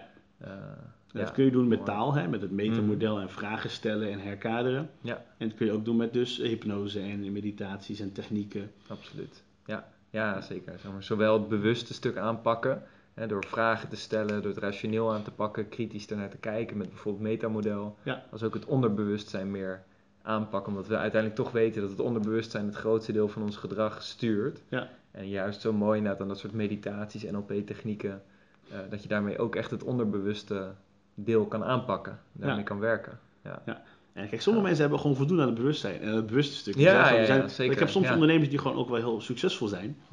En die hebben in het algemeen dingen heel goed voor elkaar. Ja, en die willen als ze gewoon- het eenmaal zien, Die dan willen gewoon, die snappen het en die hebben, die hebben dat ja. al geleerd aan zichzelf. Dus dingen creëren, succesvol dingen doen. ja, Dus die hebben gewoon voor mij net die paar vragen nodig, die kritische vragen, die andere kijk. ja. Hè, die, ze hebben dan twee opties in hun hoofd. Ik, ik voeg met wat vragen drie, vier opties toe. Mhm. En dan denken ze, oh dat kan ook, dat kan ook. Oké, check. Precies. En dan kunnen ze het soms al implementeren. Mhm. Meestal zelfs bij Ja. bepaalde mensen die ik Ja. eh, coach of gecoacht heb. Ja. En dan zijn er mensen die, wat, eh, die dat nog niet zo ontwikkeld hebben. Die hebben meer nodig in de interne wereld. Mhm. Precies. Ja. Het zijn het algemeen minder Ja. eh, mijn duurzame cliënten. Ik heb cliënten waar ik langere trajecten mee doe. Dat zijn vaak mensen die al heel succesvol zijn. En de cliënten die ik tussendoor help, dat zijn de. Ali B belt mij of een aantal andere bekenden zeggen, goed, ik heb, er is een uitdaging. Hè? Mhm. kun, je, kun je hiermee helpen? En dan is het on the spot. Ja. Met een van zijn Met een van de waar hij mee relaties of, samenwerkt. eh, Of, ja. Ja. of andere Precies. mensen die, eh, Ja. die, ik, eh, die me bellen. En dan is het, dan is het on the spot helpen. Juist. Ja. met wat het is. En dat is heel divers. Ja, ja, ja, ja, precies. Mooi. En eh, ik weet dat je ook veel mensen coacht die misschien bijvoorbeeld een groter bedrijf hebben dan wat je zelf hebt. En toch dat je voor die mensen het verschil kan maken. Dus wat maakt nou dat als iemand bijvoorbeeld 10 of 20 miljoen omzet doet in een jaar en eigenlijk al als ondernemer het heel goed voor elkaar heeft, dat jij diegene toch kan helpen om volgende stappen te zetten of om er op een andere manier naar te kijken. Ja, ik geloof wel erg dat er die personen die komen bij mij omdat er iets is wat niet gaat zoals ze willen. Mhm. Dat is de basis. Ja. Ze hebben hun ideale versie van zichzelf. Mhm. Hè, wat ze willen, ze hebben hun ideale doelen. En er zit een gap tussen. Ja. Ja. En wat ik zoek is, waar zit die gap? Mhm. In jou. Ja. Dus niet per se in je strategie, want ik weet niet precies hoe ze beter bepaalde softwareontwikkelingen moeten doen. Of hoe ze kunnen zorgen dat er bepaalde aspecten in de processen in het bedrijf per se Ja. verbeterd kunnen worden. Ja. Maar wel zoek je naar wat zit er bij hun tussen. Precies. Om dat op te kunnen lossen in hun bedrijf. Mhm. En daarvoor komen ze mij. En omdat ik ook geloof dat ik dat kan. Ja. Ik geloof heel sterk dat ik dat zie, weet waar de obstakels zitten. En dat het ook gewoon een eer is voor hun om met mij te mogen werken. Dat is ook een beetje een overtuiging. Ik zit er niet in van, oh, alsjeblieft, Ja. neem mij Ja. als je coach. Ik zeg, je hebt mij als je coach. Weet je, Ja, dat is ook wat ja. ik zelf Ja. geloof. Precies. En, ehm, en dat denken zij ook. dat is, Mhm. zij denken ook, nou, ik heb ook niet als coach. Daarvoor betalen ze de significante tarieven. Omdat ze dan mij als coach willen hebben ook. Mhm. Dus de verhouding is goed. Er is geen scheve verhouding. Mhm. En ik geloof dat ik ze kan helpen. Ik weet dat ik ze kan helpen, dat doe ik ook. En dan vooral in de psychologie. Ja. En ook, ik heb wel gewoon ehm, veel business cursussen gevolgd. Mhm. En ik Ja. snap het business stuk echt wel. ja, ja, ja, precies. Dus- ja, absoluut. En de ja. fundamenten van business zijn overal hetzelfde. Ja. En er zijn een aantal gebieden waarin ze goed gaan en waar ze minder goed gaan. Het kan een Mhm. stukje HR zijn, het kan een stukje systemen zijn. Juist. En daar kan ik, stel ik ook de vragen over die ze Mhm. zelf niet durven te stellen. Ja. En vaak weten ze al lang wat ze moeten doen. Mhm. Maar doen ze dan niet vanwege bepaalde obstakels. Ik heb die persoon Ja. niet ontslagen, want ja, daar werk ik al vijf jaar mee. Ja. Nou, ik weet dat ontslag, dat Mm. zeggen ze uiteindelijk door vragen, vertellen ze het zelf aan mij. Ja. Dan is het mijn taak om te zorgen dat ze nu, wanneer het ook ecologisch voor hun goed voelt, Ja. ze wel die stap zetten. Ja. En anders zouden ze het nog vier jaar uitstellen. Mhm. Maar omdat ze mijn coach zijn geweest, dan is- die persoon, Ja. hebben ze, zijn ze het gesprek begonnen voor het af, afsluitende proces bijvoorbeeld. Juist. Ja. Ja, precies. Dus het is inderdaad, ja. Wat ik hier inderdaad echt hoor zeggen is vooral dit stukje psychologie, de moeilijke beslissingen kunnen nemen. Misschien durven kijken waar ze tot dan toe niet hebben durven kijken. Ja. Eh, dus dat is ook een de- deel van een spiegel voorhouden van hey, hoe staat het er nou echt voor en waar loop je nu op vast? En ook de, de punten van business erbij pakken en gewoon de vraag stellen erover. Mhm. Waar gaat het mis in deze stukken? Ja. Waar kan het beter in Ja. de processen? Waar kan het beter in het verkoopstuk? Ja. Wat zijn de cijfers? Laat me de cijfers eens zien. Net wat gebeurt je, er als dit 1% Wat je in het begin omhoog zei gaat? van hè, wat Arjan altijd bij jou eh, doet. Ik heb dat- het exact voorbeeld, dus ja, ja, ja, wat, wat precies. bij mij doet, kan ja. ik daar ook doen. Ja, En absoluut. wat gebeurt als dit een, een, een procent, dan zeggen ze nou ja, ze hebben bijvoorbeeld een proces en Mhm. er wordt 6% geconverteerd van de mensen die dan bijvoorbeeld in de winkel komen Mhm. en die gesprekken hebben, of 10% of 20%. Ja. Ik zeg oké, wat gebeurt er als dit 40% zou zijn of 25%? Mhm. Nou, dan is dat, dat letterlijk bij een cliënt van mij, is dat 20 miljoen meer omzet. Mhm. Ja? Ja. Die, Ja. die extra, dat is die extra Paar 5%. Dan procentjes. Ja, zeg ik, oké, laten we dan hierop ingaan. juist. En dan komen daar ideeën uit Mhm. die geïmplementeerd worden, Ja. waar die significante resultaten ziet Precies. hè, in, in, ja. in het bedrijf. En dan Ja. verdient ik, ik verdien mezelf terug makkelijk door Mhm. één kleine aanpassing in hun verdienmodel, zien ze in alle manieren terug. Ja. Of ehm, ik had een andere cliënt die heel erg te, te betrokken was in de zaken, Mhm. in, in de, in de winkels. Mhm. En Ja. die was er overal te wezen. Ik zei, maar je bent de CEO. Mhm. Jouw werk is denken. Ja, ja, ja, oplossingen ja. bedenken. Ja, Als je elke dag in alle winkels langs gaat, als Ja. de, ja. ja. dat is, dat, dat- en toen heb ik hem echt geholpen om naar zijn plek te gaan. Dat te erkennen, wie ben ik? Mhm. En Ja. ook echt erkennen wie de fuck hij is, weet je. Dat is gewoon Mhm. echt een baas. En dat doet, dat, Ja. wat past daarbij? En wat is die idee? Hoe doet hij dan? Als jij jezelf over vijf jaar ziet, Mhm. hoe zou je dan zijn? Oké, en hoe kun je die persoon nu zijn? En dan, dan is het mijn taak om dat, dat gat te dichten. Mhm. Tussen die persoon van over vijf jaar en nu. Ja. Hoe kan ik zorgen dat jij op de dag van vandaag steeds dichter bij die persoon komt? Mhm. En dat in het bedrijf. Dat betekent, dan doe ik dit niet meer. Dan ga je die iemand anders verzoeken. Dan doe ik dat anders. Dan ga ik deze gesprekken niet meer aan. Dan zou ik die persoon ontslaan. Dan zou ik... Ja, Dus exact. ik, dus ik werk heel erg vaak van de toekomst. Mhm. Jouw doelen over vijf jaar, jij over vijf jaar. En, en nu wat verschil in die gap close. Dat is Ja. een van de dingen waar ik me mee bezig hou dan. Hele mooie. Ja. Ja. en dit is voor mij in ieder geval ook heel eh, aansprekend, hè, wat je zegt van eh, die CEO die dan heel veel op de werkvloer is. Dat is voor mij ook constant inderdaad die balans houden waar we het eerder over hadden. Ja. Tussen de artiest en de ondernemer. Van, hè, je wilt een bepaalde kunst doen en ook op een gegeven moment heb je iets jaren gedaan en dan weet je, oké, ik kan het zelf. Ehm, herkende je bij die, bij die persoon ook dat het, dat het misschien neerkwam op een bepaald perfectionisme of een drang om controle te hebben? Dat merk ik namelijk heel erg bij mezelf. Dat als ik het zelf doe, dan heb ik controle. Dat is dan de overtuiging die op dat moment eh, Ja. naar boven komt. Er, was, er was een overtuiging dat dat de manier was hoe het moet in zijn bedrijf. En hij verwacht het Mhm. van zijn management. Dat zij ook op de vloer gaan Ja. verkopen. Ja. Dus dan moet hij het ook doen als de directeur, de eigenaar van het Ja. bedrijf. Ja, ja, zeg, dat is toch een significant verschil tussen wat jij Ja. hebt te doen. Ja. Dus dat de overtuiging zat er bij hem. Mhm. Waar we, naar, waar we echt, echt heel actief mee aan de slag zijn om wat te veranderen. Ja. En het is ook een stukje controle dan. Het is management. Mhm. Hij stapt in de managerrol. Hij Mhm. stapte niet meer in de rol van de ondernemer. Hij was vooral de manager geworden Ja. van alles wat er allemaal gaande is. Ja, ja, ja, precies. Dus het was, eh, hij was de artiest automatisch, want dan ga je het een beetje verkopen. Mhm. Als eigenaar van een bedrijf van meer dan 100 miljoen zit Ja. je op de werkvloer nog. Precies. En dat, was, dat heeft heel veel gebracht, want dat is Ja. een cultuur geworden. Het is natuurlijk ook echt een kracht dat je als, als CEO betrokken bent bij alles wat er op de dat, is, dat, gebeurt. dat, als je CEO het doet, Sowieso, dan doet iedereen het. Ja, ja, dat de managers precies. ook. Ja, ja, En ja. Dat heeft hij, dat heeft hij heel goed gedaan. Mhm. Alleen wat goed werkt tot, tot, de tot, eh, tot punt A, werkt niet per se goed tot punt B of C of D of E. Dat zijn gewoon verschillende fases en cyclussen. Ja, ja precies. Dus eh, maar het was zeker ook zeker dan een behoefte naar eh, zorgen dat dat zo blijft. Hè, Mhm. Controle dat dat Ja. blijft gaan zoals het nu gaat. En dat Ja. was volgens hem de weg naar Rome. Alleen er zijn 60 andere wegen naar Rome. En hij kwam erachter dat er nog veel fijnere of effectievere wegen waren. Juist, ja. ja, tof. Mooi. Hoe komen al die cliënten eigenlijk bij jou terecht? Zoeken mij op. Mhm. Via een webinar, een training of ik heb gesproken op een evenement. Ze hebben mij gezien en ze dachten, ah, die moet ik hebben. Dus het is vaak, ik doe geen advertenties, ik doe geen marketing ervoor. Ze Niet zien mij specifiek op coaching. niet specifiek Nee. op coaching dat ik eh, op zoek ben naar cliënten. Mhm. Maar ze zien mij ergens Mhm. en denken, oh, Ja. die kan mij wel helpen. Ja, Of Ja. iemand heeft verteld over hem, dus... precies. Ja, door verwijzingen. Ja. Ja, check. Mooi. Ik moet toegeven, ik heb dit jaar heel erg afgeschaald op coaching. Want Mhm. ik wilde heel erg gaan bezig met het businessproces. Dus ik heb heel veel cliënten trajecten gestopt. Mhm. En ook echt heel veel nee gezegd in de laatste periode. Ja. Ik ga het volgend jaar wat meer oppakken weer. Ja, volgend jaar wil ik wat meer gaan coachen weer. Ja, check. Ja. Het is natuurlijk altijd een balans eh, houden. Dus aan de ene kant die rol als trainer, voor de groep staan, eh, als, als spreker ook, voor grotere groepen staan, om nieuwe mensen te inspireren nieuwe mensen eh, daar het contact mee te maken. Ja. En, en deels ook inderdaad als coach om, eh, om mensen echt één op één verder te begeleiden. Ja. Eh, zeker. Ja, en het mooie is, hè, dat, dat, dat leer ik zelf inderdaad ook aan mensen, van de, een van de beste manieren wat ik geloof om coachingklanten aan te trekken, is inderdaad door te spreken. Omdat je als spreker gewoon, hè, als je je boodschap inderdaad de wereld inzet, nou dat zeg je net ook inderdaad heel mooi, en mensen zien je daar, dan weten ze direct wat ze aan je hebben. En ze krijgen al heel veel Ja. waarde van je. Je bent gelijk een autoriteit Ja, ja, wanneer je voor de groep staat. Dus dat helpt gewoon heel erg.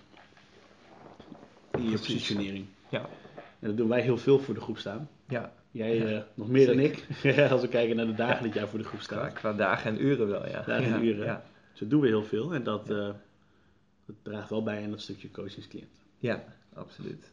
absoluut. En eh, hoe heb je dat voor jezelf? Hè? Want ik weet dat je eh, een aantal jaar geleden, eh, toen ben je op een gegeven moment begonnen met, met eh, het, eigenlijk direct al geven van echt grote seminars. Je had natuurlijk heel veel ervaring al als spreker bij de bedrijven waar je daarvoor had gewerkt. Ja. Maar toen je echt je eigen business begon, kan me nog heel goed herinneren dat je net een paar maanden bezig was en je had al voor het eerst een zaal van 200 man. Ja. Ehm, hoe deed je dat? Ja, in het prille begin Ja. moet ik toegeven dat omdat ik al wat succes had bereikt in mijn leven op jongere leeftijd, Mhm. had ik al wel wat netwerk. Ja. Dus toen Ja. ik zei, Ja. ik ga een spreker worden Mhm. en ik ga mijn eigen bedrijf starten in dit en ik ga mensen dit en dit en dit leren. Ja. Er was er al een groep mensen die dacht, oh tof, dat Roei dat gaat doen. Ja. Dat past wel. Ja, ja, ja. ja, dat was het een van de dingen. Dus wat ik deed was, ik had een, een namenlijst gemaakt van iedereen die ik kende. Mhm. En ik had een viertal seminars georganiseerd. Ik had deze in Groningen, daar ken ik veel mensen. In Leeuwarden ken ik veel mensen, want daar kom ik vandaan, Friesland. In Rotterdam en Amsterdam. Mhm. Ik had vier eh, locaties gehuurd. Ja. En ik ging gewoon bellen Ja, ja, en berichten sturen. hey, ik wil je graag uitnodigen. Ik heb dit, dit evenement, ik ga mijn bedrijf starten. Ik zou het tof vinden als je erbij bent. Ik ga deze seminar geven.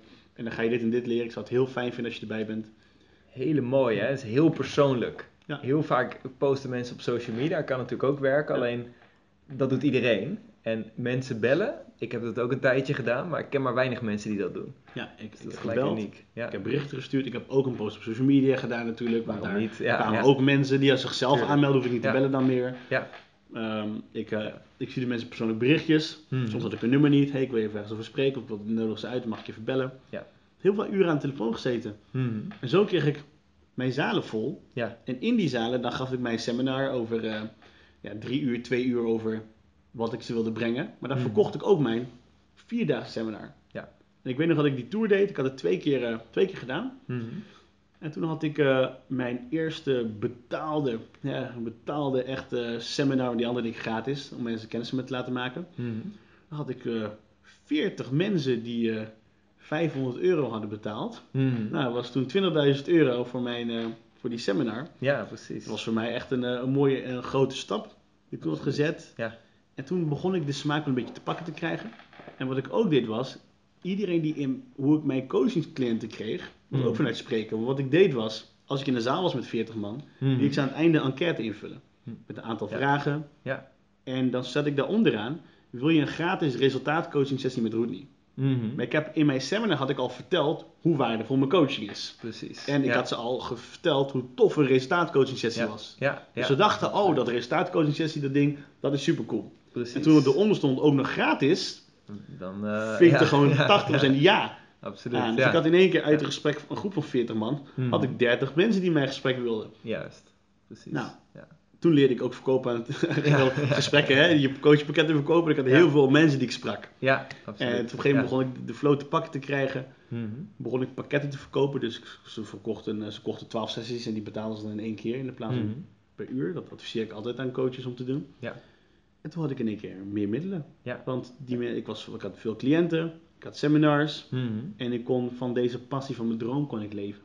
Precies. Ja, heel tof. Ja. En wat dus inderdaad echt duidelijk, in ieder geval voor mij naar voren komt, is die persoonlijke benadering.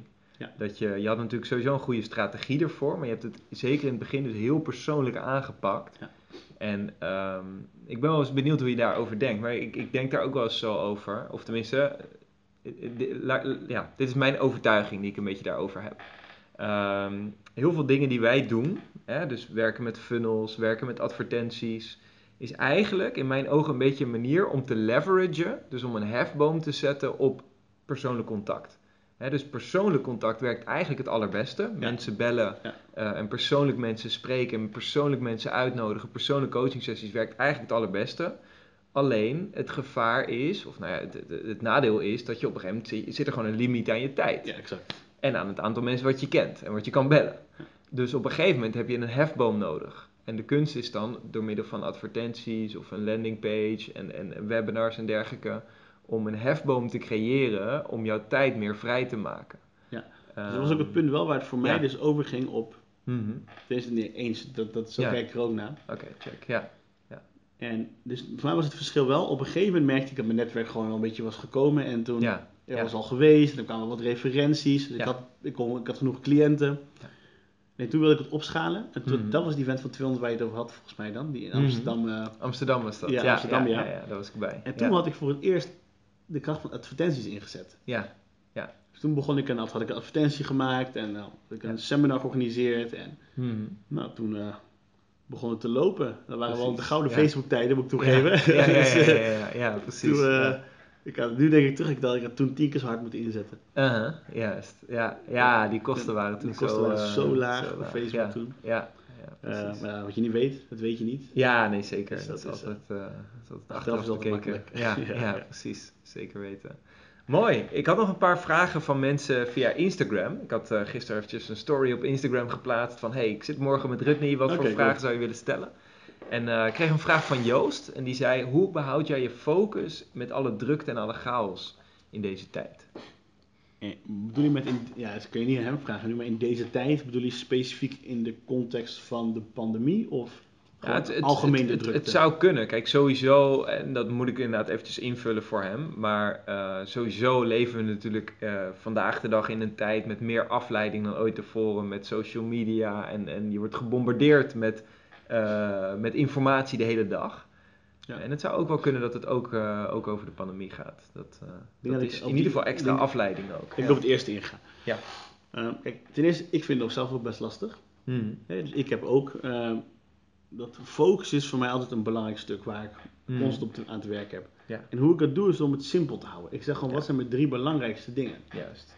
En Ja. dan hou ik het gewoon veel simpeler. Deze drie Mhm. dingen moeten gebeuren. Ja. En dan helpt het soms om mijn telefoon gewoon uit het zicht te halen. Mhm. Want voor je het weet ben ik bezig met iets maken en dan, ben ik, ben ik, en dan zie ik mijn telefoon en dan pak ik hem weer. Ja. En voor je het weet zit ik eh, WhatsApp berichtjes te beantwoorden en eh, weer een in, ik heb allemaal Precies. groepen van allemaal onderwerpen in het bedrijf en dan zit ik weer, Ja. Staat die monkey op- mind weer aan. ga een monkje bij wijze Ja. van spreken, ik op Instagram voor ik het weet. Dus mijn telefoon echt wegzetten uit het zicht, dat hij me gewoon niet triggert, helpt Hmm. mij. Om eh, een periode goed gefocust te werken. En dan doe ik op 50 minuten gefocust werken en dan eventjes pauze. Mhm. En dan weer 50 minuten gefocust werken, dan weer Ja. even pauze. Ja.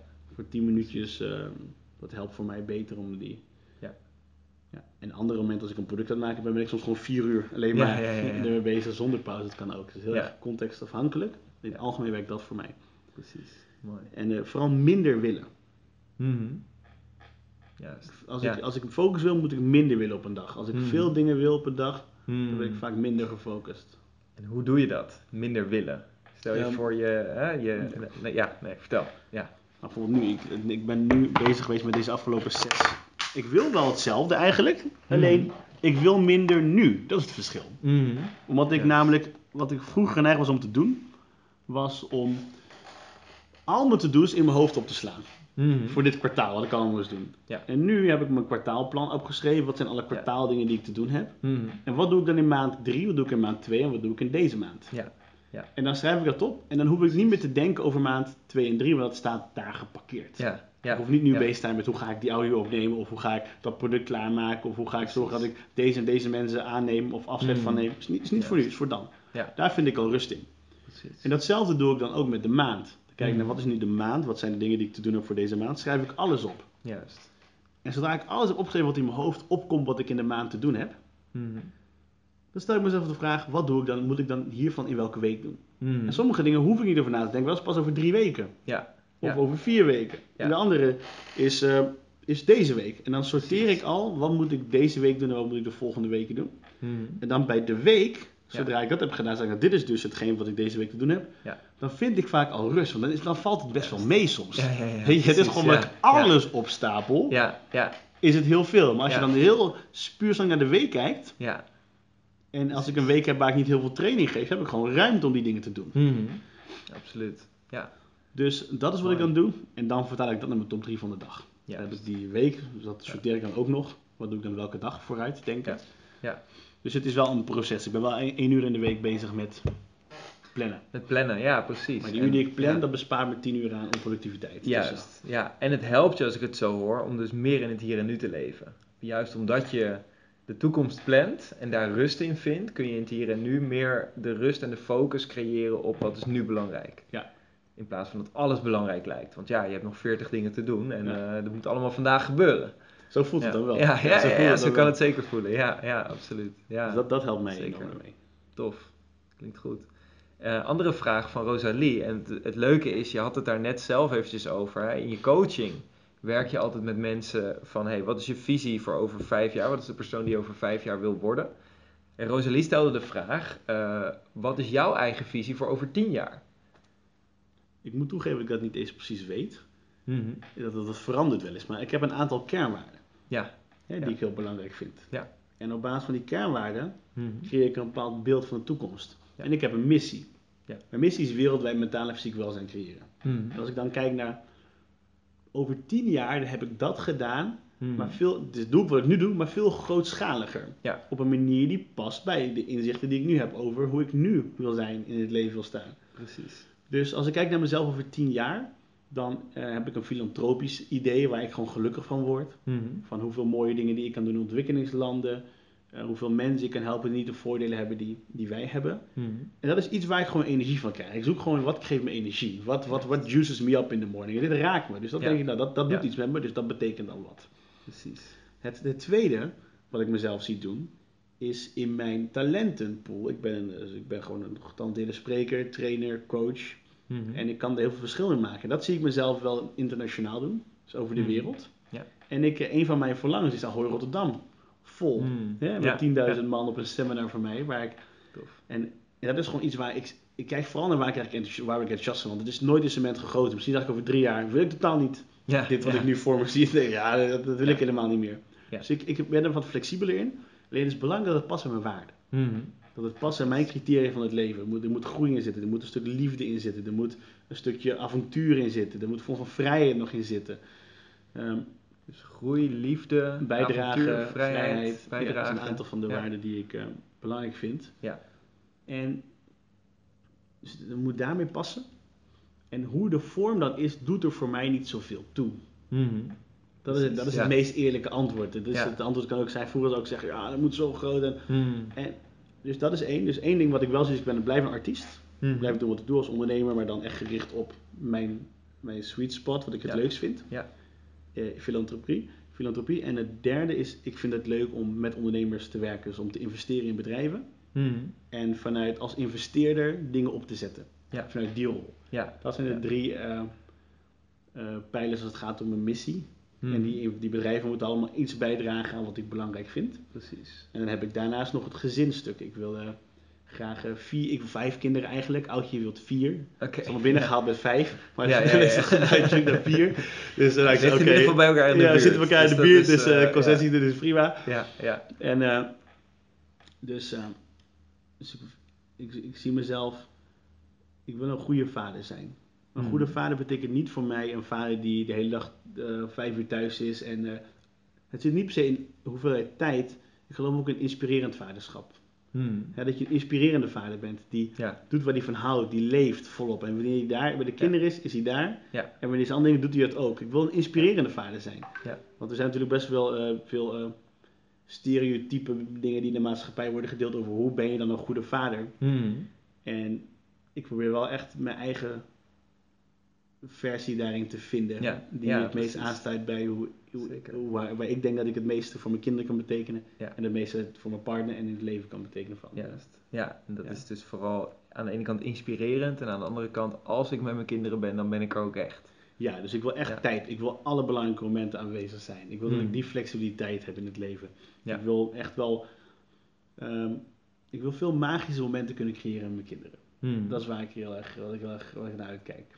Momenten waar ze terug kunnen kijken. Je hebt wel eens over je vader dat je naar Peru ging en zo denk je, ja, nou, dat wil ik Absoluut. ook. Ja, Dat mijn kind later Ja. vertelt dat hij met papa in Peru was geweest en dat had Ja. gedaan en dit had geleerd van papa. Ja. En, eh, ja en dat ik kan kijken naar mijn oudje en kan zeggen, nou, ik heb, het, ik heb een goed voorbeeld gehad. Dat Ik heb het gemist in mijn leven. Een vader of een voorbeeld. In mijn omgeving zijn ook heel weinig koppels Hmm. die bij elkaar bleven. Het is altijd Hmm. mannen gingen vreemd of gingen uit elkaar. Ja. Op mijn zwager en mijn zus na, dat is echt mijn voorbeeld eh, ge- geworden. Hmm. En ik wil ook dat zijn fun, dat ze naar papa en mama kunnen kijken en zeggen, ja, dat wil ik later ook. Juist, ja. Ja, het is Ja. prachtig om daar naar te streven. eh, Zeker weten. En ook mooi, hè? Ik, ik geloof ook heel sterk dat, wat je zegt over je kernwaarden, dat hè, wanneer je, laat ik zo zeggen, ik heb, ik heb op een gegeven moment voor mezelf opgeschreven, wat betekent succes nou eigenlijk voor mij? Ja. En waar het eigenlijk in de basis op neerkwam, want ik, eh, de maatschappij heeft natuurlijk zo'n associatie van succes is zoveel omzet of zoveel verdienen. Ja. Maar eigenlijk kwam ik erop neer van, ja, maar dat is eigenlijk niet wat succes is. Het is wel belangrijk, maar dat is meer om je bedrijf gezond te houden. Om iedereen tevreden te houden. Maar echt succes komt eigenlijk in, in mijn ervaring neer op het leven in lijn met je kernwaarden.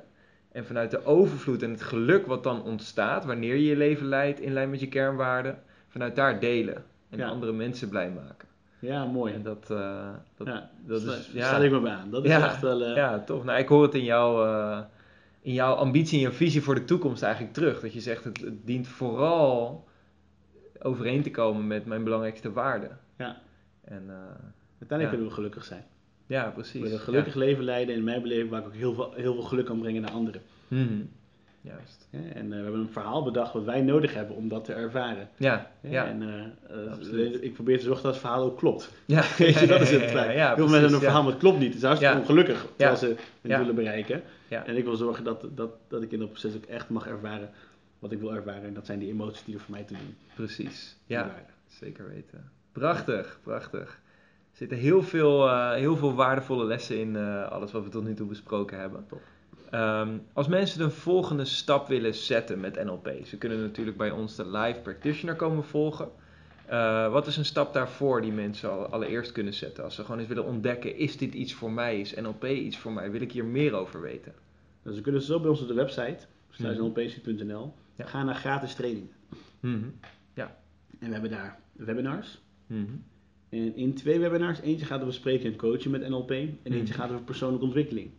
Die kunnen ze bekijken en vanuit daar, vanuit het bekijken van die webinar, kunnen ze al dingen leren over NLP en hoe werkt het en hoe kunnen ze hun leven zelf echt significant verbeteren. Want ik leg echt uit in die webinars hoe je het bij de kern oplost, de Mhm. uitdagingen. Waardoor je veel meer geluk ervaart, meer succes of wat je maar wilt bereiken in het leven.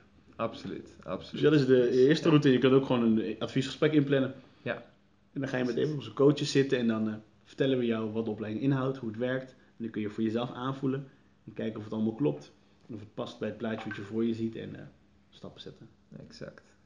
Zeker weten. Dus dikke aanrader voor iedereen eh Dikke aanrader. meer, eh, Zit je met ons, meer hè? wil weten. Wij geven opleidingen samen, dus wij zijn echt wel een magisch duo. Absoluut, absoluut. Tenminste, dat zeggen, dat zeggen onze deelnemers. Praktisch allemaal. Ja, Dus ik, eh, allemaal. Dus ik kan bijna niet anders meer dan daarmee eens zijn. ik ben het zelf geloven. precies, precies. Absoluut. Ja. Alright, Rutney, ik wil je ontzettend bedanken voor de tijd die je hebt gemaakt voor deze podcast die we samen doen. Graag gedaan. En ik weet zeker dat heel veel mensen hierdoor geïnspireerd gaan raken en weer stappen in hun leven kunnen maken door deze video. Super. Thanks voor de Thanks. uitnodiging. Thanks voor het kijken. Hopelijk tot ziens. Inderdaad. Yes. Ciao, ciao.